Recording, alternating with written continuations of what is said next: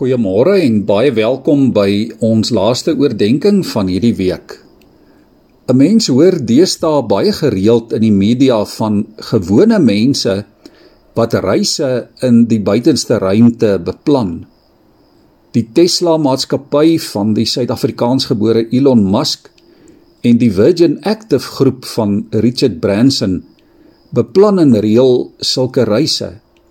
En as jy regtig genoeg geld het of as jy baie gelukkig is om dit as 'n prys te wen, dan kan jy een van die ouens wees wat binnekort jou tree gaan rek op Mars of op die maan.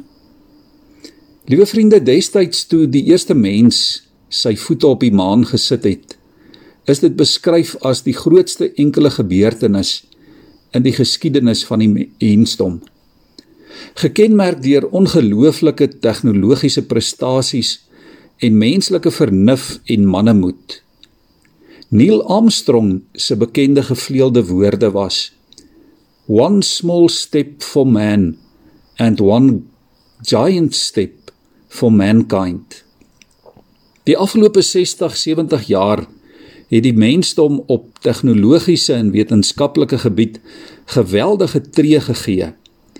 En 'n mens kan nie anders as om te wonder waar en hoe dit alles gaan ontwikkel en dalk gaan eindig nie. En tog wonder 'n mens ook of en hoe God deel is van dit alles. Lank voordat Neil Armstrong die maan bereik het, het die Russe al gesê dat hulle die ruimte deurkruis en deursoek het en dat hulle geen God daar gevind het nie.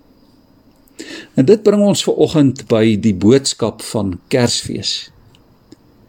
Dieselfde tyd toe die Russe die bestaan van God ontken het, het 'n gelowige wetenskaplike gesê: Dit is nie nodig om God in die buitenste ruimte te gaan soek nie. Die plek waar ons God hier op aarde kry, is in die krib daar in Bethlehem. En ons het dit die afgelope week ook ontdek.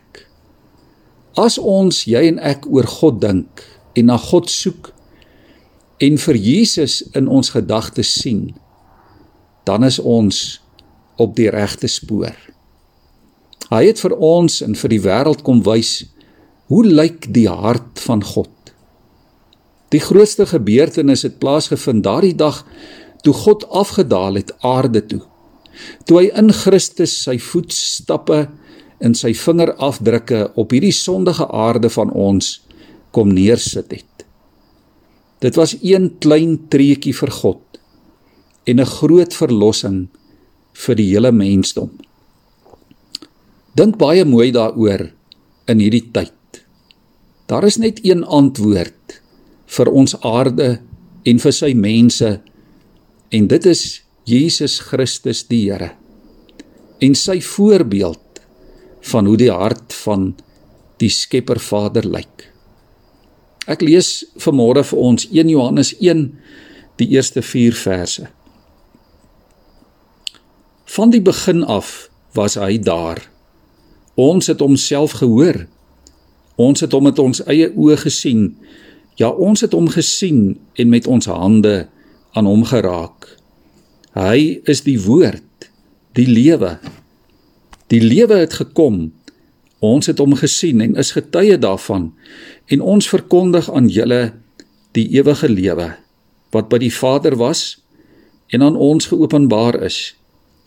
Hom wat ons gesien en gehoor het, verkondig ons aan julle sodat julle aan ons gemeenskap deel kan hê.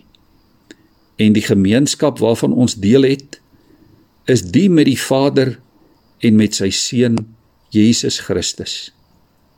Dit skryf ons sodat ons blydskap volkome kan wees. Kom ons buig ook weer ver oggend saam voor die Here. Here Jesus, dankie dat U in ons wêreld ingetree het. Here kom stap deur U Gees tot diep in die kamers van mense se harte. Laat die soekende mensdom ontdek dat daar net ware hoop is in U, o Here. En dat U voorbeeld die antwoord is vir elkeen van ons. Here Jesus, laat ons U soek voor ons enige iets anders soek. En as ons U gevind het, Here, maak ons dan U lig verander. Amen.